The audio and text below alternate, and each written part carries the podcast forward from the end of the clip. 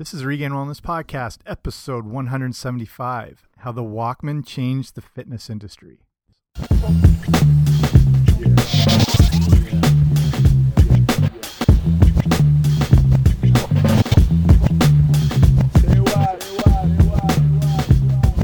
Hey guys, what's happening? Welcome back to the podcast. I'm Jamie Logie. I run regainedwellness.com, and this is Regained Wellness Podcast. So thanks for coming on out. And this is a bit of a different show just because looking back on sort of a combination of pop culture and those, you know, specific moments and incidents that kind of changed the trajectory of things. And in this case, related to fitness. So we'll get right into it. But before that, here's the obligatory subscribe to the podcast wherever you find your podcast. There's a lot of options now, but I should be, I think, in all of them. So yeah, do that. Okay, let's get to it. So I'm betting you are listening to this on your phone, whether it's an iPhone or an Android. Um, you might not be. You might be listening like on the website or on your laptop, but you know, going by the demographics, it's a good chance you're on your phone. And you may be, I don't know what you're doing right now. You might be having breakfast or driving your car or at the gym or walking. And the whole point is this is just talking about how our phones and music specifically are have become synonymous with working out. And you probably, if you are being fit and active, you probably cannot picture eh, doing any form of exercise without music. And like I can think of times where I've got to the gym and I realized I forgot my headphones and I've either left or I've um, gone back and got them and or drove home or whatever it is, just because it's been that kind of ingrained with um, everything to do with exercise. So like these days, personally, I if I am listening to anything, it's kind of combination. Sometimes music. Honestly, it's a lot. It I listen to podcasts most of the time when I exercise. Even now, I'm not. I'm not even listening to anything. I sometimes just have headphones in just to not be disturbed or whatever and sometimes it helps me focus but I, I figure it's a kind of a killing two birds with one stone situation. It's a good time to learn something or i mean with the, the amount of streaming services we have available like i use apple music or if you use spotify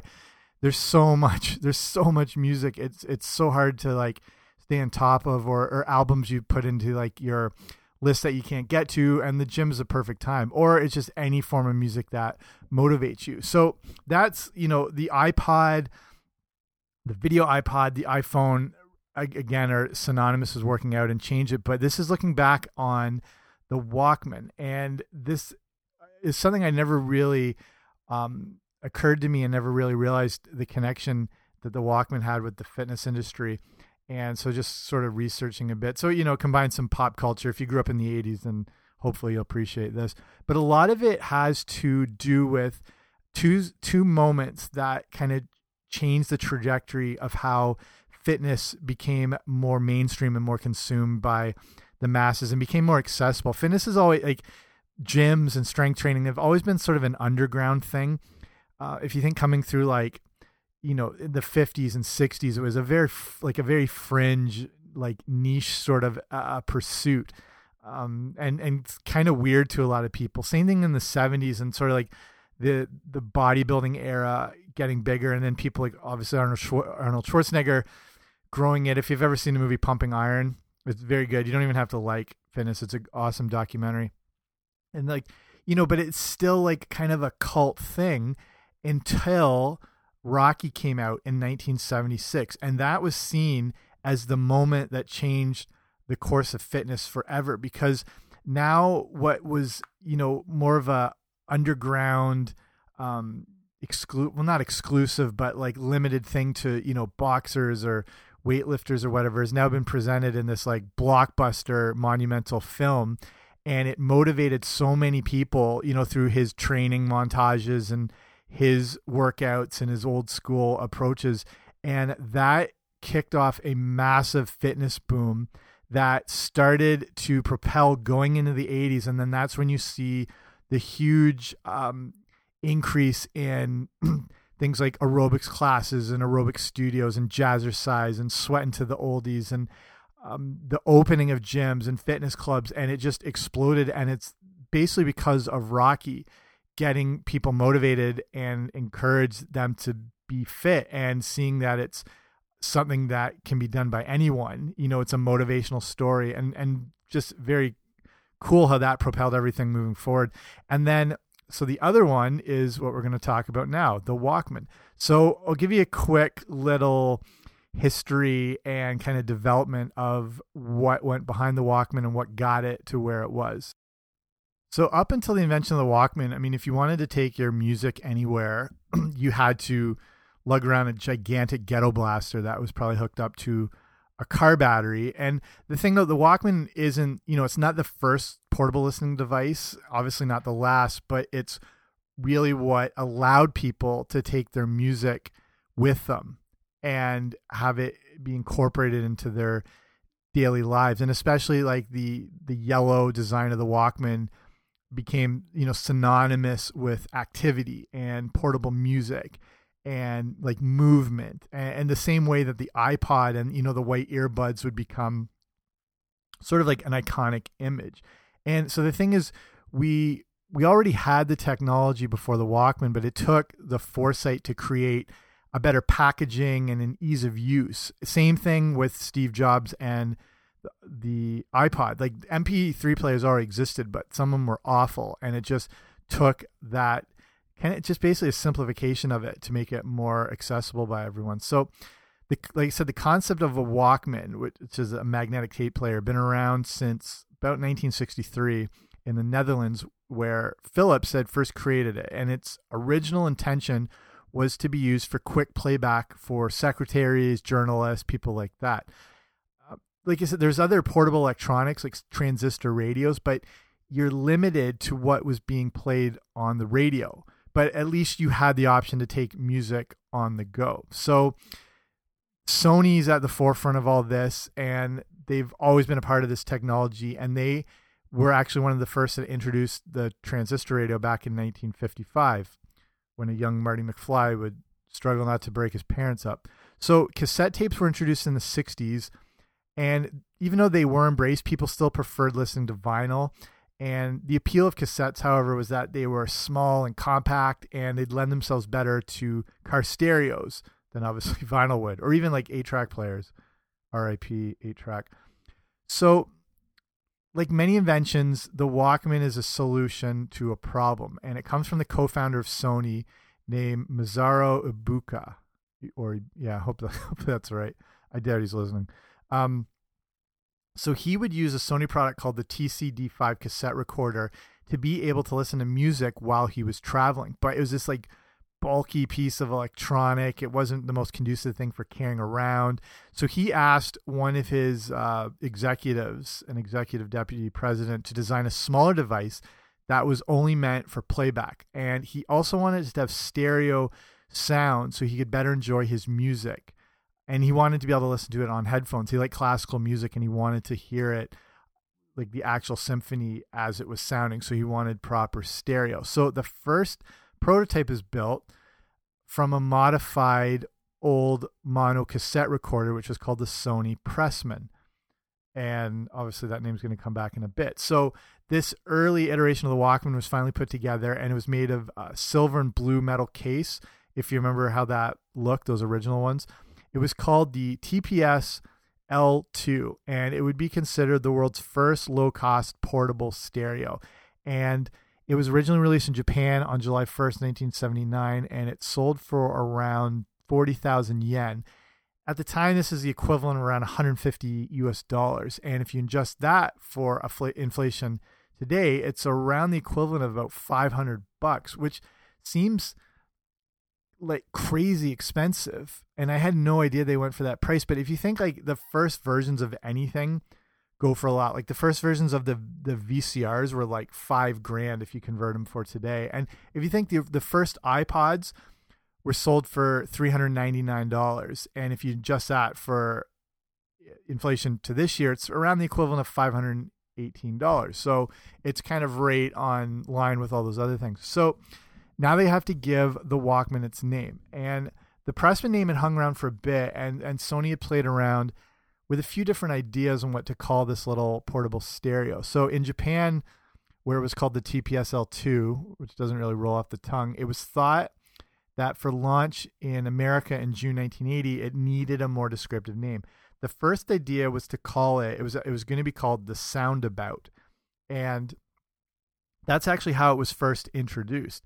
And the next possible name that they're thinking to transition into is going to be called the Stowaway. I don't know what the hell that would mean. And they were going to use that actually in the UK but it you know it presents a problem it's hard to market and advertise something that has various names in different countries and sony's having an actual tough time trying to find a universal name that hadn't been trademarked to hell all over the place so coming up with uncopyrighted names took them a ton of time and a ton of money and it delayed releasing the walkman so nothing's coming together and they went back to that original pressman device. And they obviously swapped out the press for walk as a way to describe what the main use would be for this new device.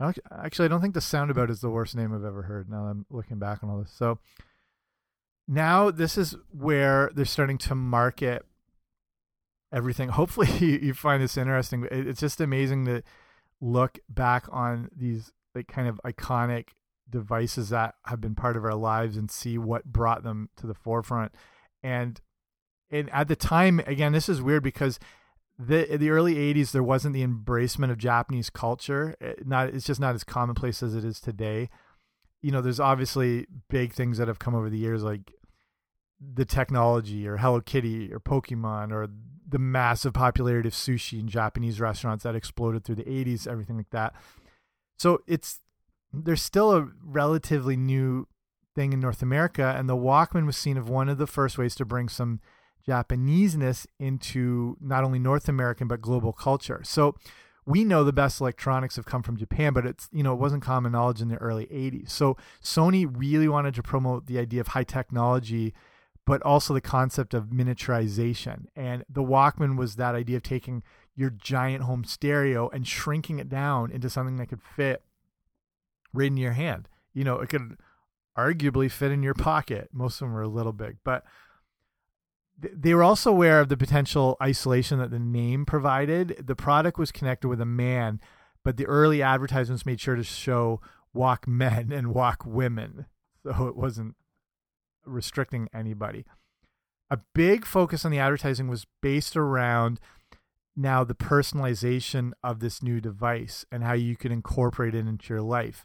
And like I said, up to that point, the transistor radio was the only way to listen to music. And if you were limited to whatever radio stations you could tune into, um, you were stuck with it or whatever playlist happened to be on. Like if you like jazz and you only had access to like rock stations, you're pretty screwed. So Sony focused on this idea that this was a music revolution, the same way Steve Jobs would do this. And now you could take your own custom music anywhere you went. So from mixtapes to multiple cassettes, you had a ton of options with you at all times. So the other big thing is you could listen privately. And, you know, obviously a huge selling point to young punk teens and their crazy rock music. But, you know, there's no fear of being mocked for wanting to listen to Wham wherever you are because no one knew you were listening to it. Not not that I was. So at the time, this is kind of revolutionary advertising. They're they were promoting this high technology which seemed amazing to everyone, but at the same time making it seem like it was made for you as an individual. So it's cool. So it's like not only is this product awesome, but you can listen to all the Depeche Mode you want, which you're probably listening to in the 80s. And it just it goes back to that idea, you know, I talk about you're probably on your phone right now listening to this. And it, it's like with technology, it's not or like you're if you think how that it's technology has advanced everything in fitness with like our phones and um, step counters and Fitbits and the music and the podcast we can listen to and uh, like any or your iPad anything. It's not the device we like per se. It's the content that you have. So like I don't necessarily love my iPhone as a thing, but I love all the music I have on it. I love that I can track all my like my workouts and I love the podcasts I have on it. I love that I can connect with friends anytime I want. I like the pictures on it of everything I love and family and the things that connect you with everything. It's just, you know, the device is just a vehicle to deliver the content you love.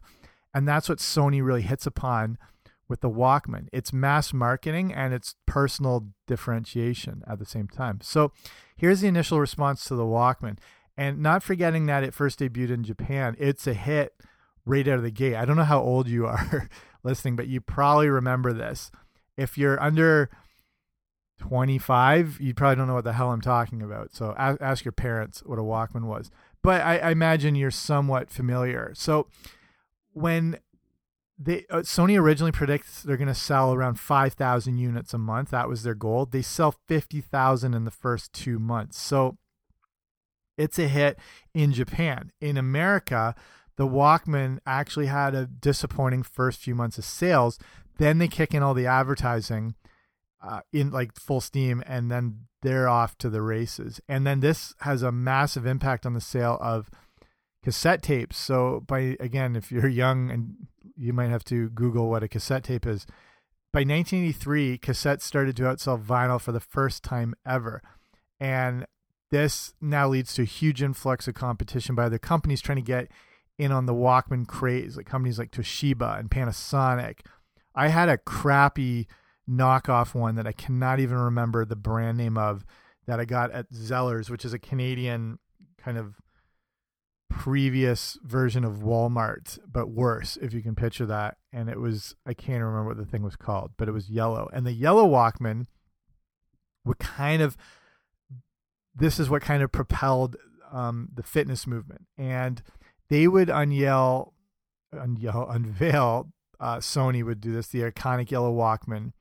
And they started it out with some focus groups and they were playing around with this new sports Walkman because they thought there is um, now that people are on the go and people are carrying these everywhere they they're they're walking and they're they're starting to be a little more active.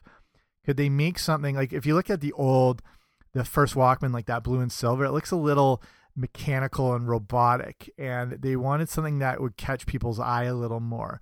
So if you are um, you know, out for a walk or on a hike, you, are not going to miss the yellow. You like people remember you'd have them clipped to your belt, and you would not miss that or the yellow headphones.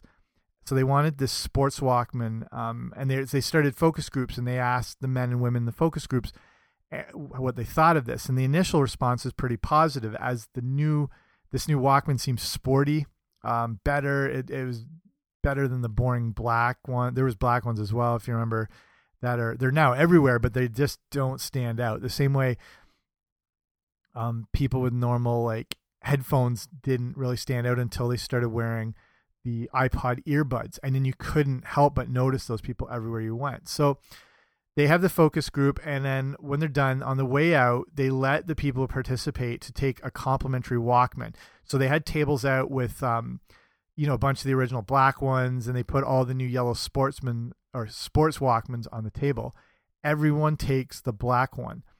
And then, so they're wondering why people would do this. And it just it came this idea that people just want to be nice to someone who's being enthusiastic about enthusiastic about something, such as how the moderator was being with the new yellow Walkman. And since people were getting on board with the yellow Walkman in the focus group, it's hard it's harder to be, you know, to speak up against a group.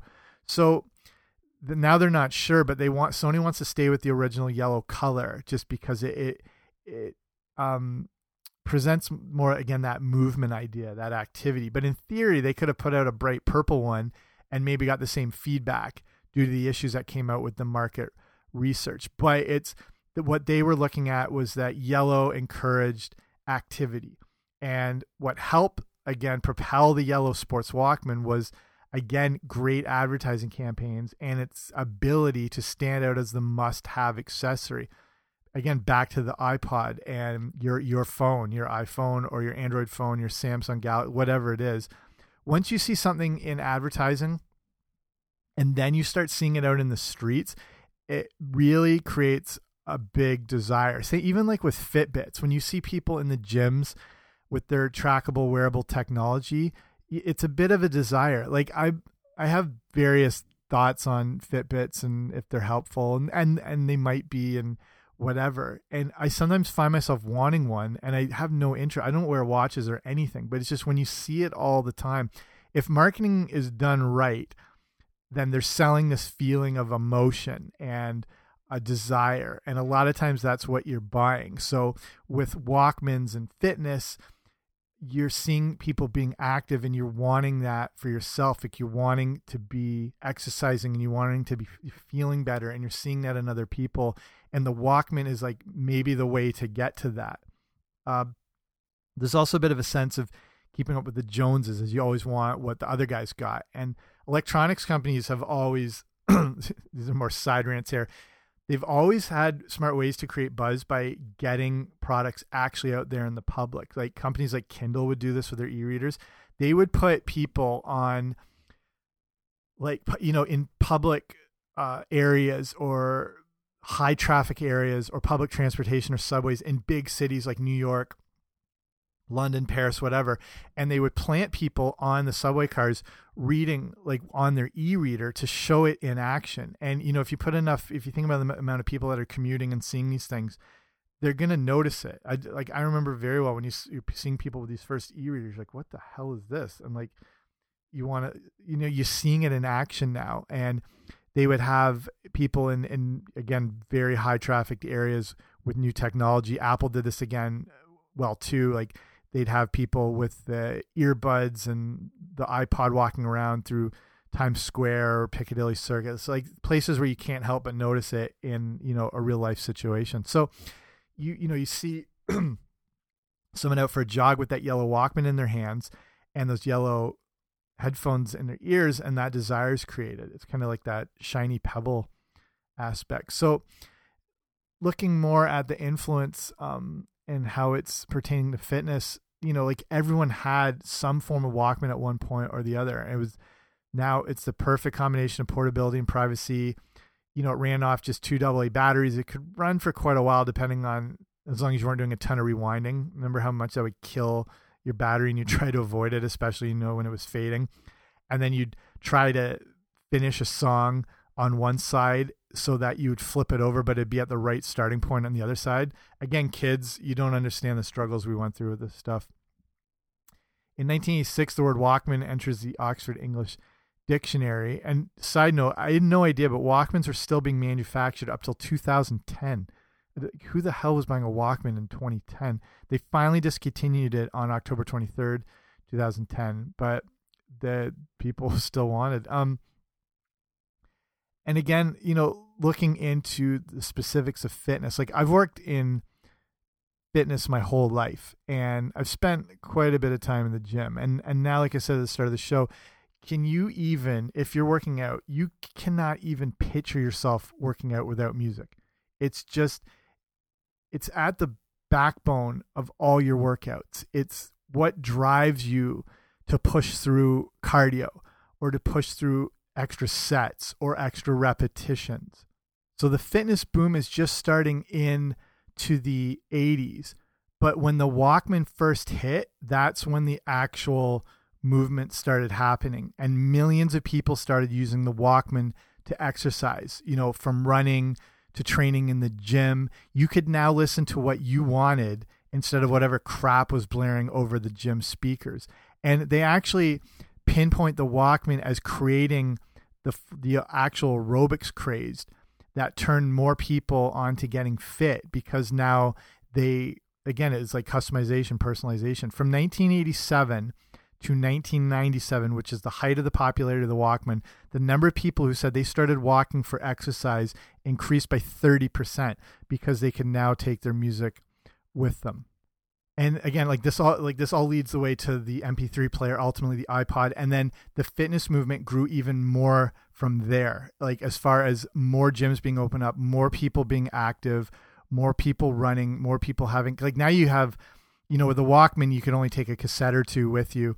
But you know obviously with the ipod you can have every song ever made or ever recorded um, and make multiple playlists and stuff like that. And then that but it all starts with the walkman and the boom in the fitness craze and encouraging and motivating more people to get fit. So a bit hopefully you like this. It's you know kind of half of a trip down memory lane but also you know seeing the things that happened in the past that are getting us to where we are today. And you know the walkman cements itself in part of 80s pop culture eh, you know it again like led to the discman the mp3 player to now the phone that you're listening to. So hopefully if you like this show let me know you can always email me at info at regainedwellness.com or if you want to see other topics like this covered, let me know. Or if you hate it, let me know too. Either way is good. So I'll finish up here.